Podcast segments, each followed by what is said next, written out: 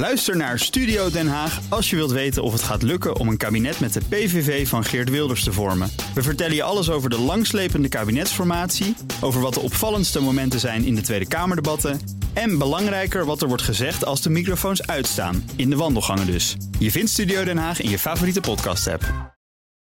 De column van Jaap Jansen. Maar liefst vier CDA-kamerleden stelden afgelopen week een lange lijst vragen over het coronavirus. Of de ministers voor Medische Zorg en van Buitenlandse Zaken zo spoedig mogelijk antwoord konden geven. Vier CDA'ers die twee VVD-ministers stolken over een precaire zaak waarin het hoofd koel houden geboden is, duidt maar op één ding. Op het Binnenhof neemt de verkiezingskoorts toe. Het is op alle fronten waarneembaar. Eerst VVD en CDA tegenover D66 en ChristenUnie over het noodzakelijke klimaatbeleid. Daarna D66 versus het CDA over de boeren. Toen de ChristenUnie, die twijfelde over het CETA-verdrag van D66-minister en mogelijk lijsttrekker Sigrid Kaag.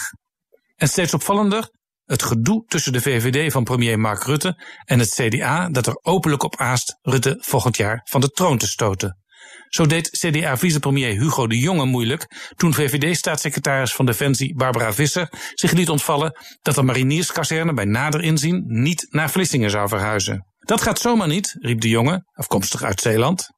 En deze week had de Telegraaf een hilarisch verhaal over een plan wat VVD-Kamerlid Dilan Yassilgus op tv zou lanceren, waarna VVD-minister voor Rechtsbescherming Sander Dekker het zou omarmen. Het opzetje ging niet door.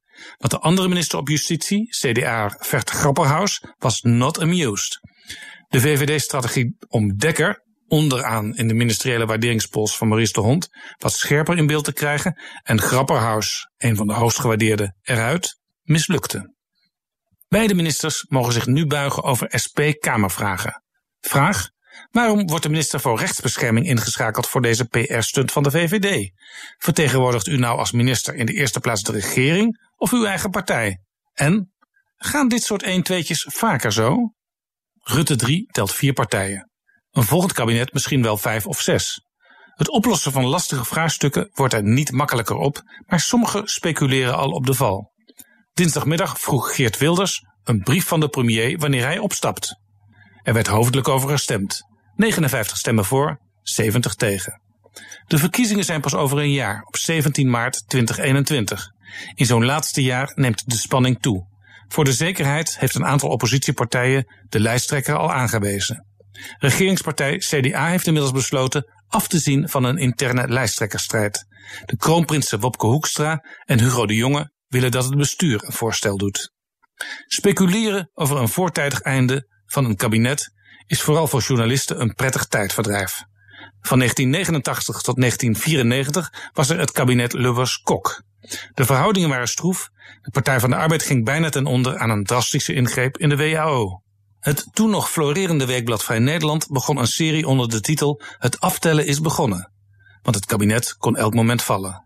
Tel maar lekker door, zei premier Ruud Lubbers een keer smalend toen hij op vrijdag Nieuwsport binnenkwam voor zijn wekelijkse persconferentie. Het werd een van de langstzittende kabinetten ooit. Columnist Jaap Jansen. Terugluisteren? Ga naar bnr.nl of de BNR-app. En daar vindt u ook alle podcasts.